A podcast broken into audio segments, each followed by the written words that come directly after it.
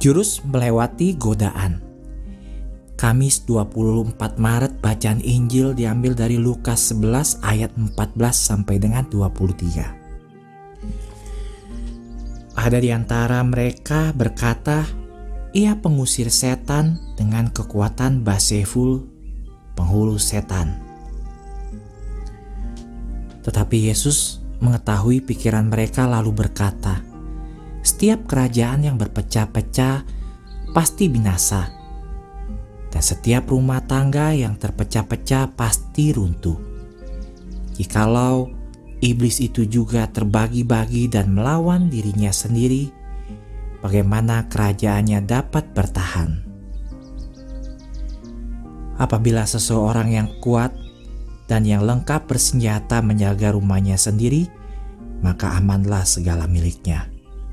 Tetapi jika seorang yang lebih kuat dari mereka menyerang dan mengalahkannya, maka orang itu akan merampas perlengkapan senjata yang diandalkannya dan akan membagi-bagikan rampasannya.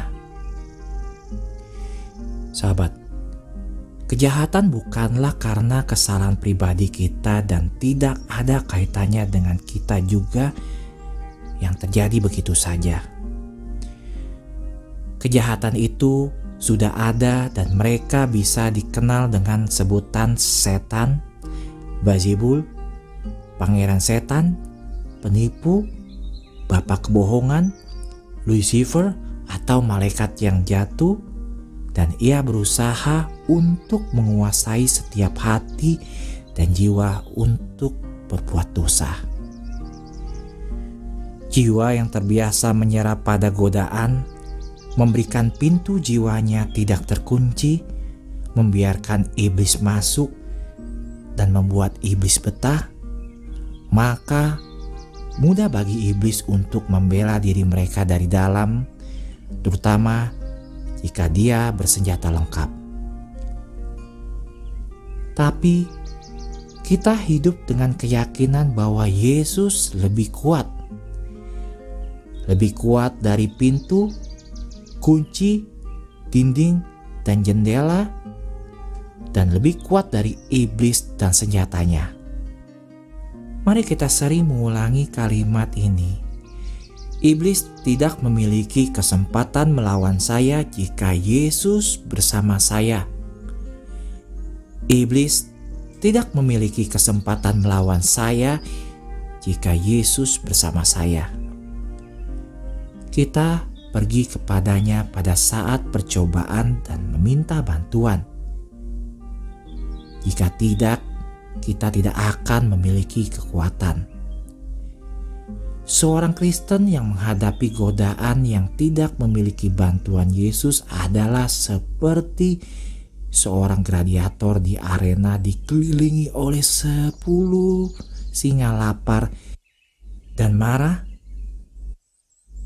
dan sang gladiator hanya dipersenjatai dengan sendok teh. Ini tidak mempunyai kekuatan. Namun, dengan bantuan Yesus, kita seperti gladiator yang sama, tetapi dipersenjatai dengan tank. Singa tidak memiliki kesempatan untuk mengalahkan kita. Yesus, jangan tinggalkan aku sendiri ketika musuh datang. Dan jika saya lupa meminta Anda untuk membantu saya, tolonglah tetap bantu saya. Suatu ketika, Santa Faustina menderita beberapa godaan yang mengerikan.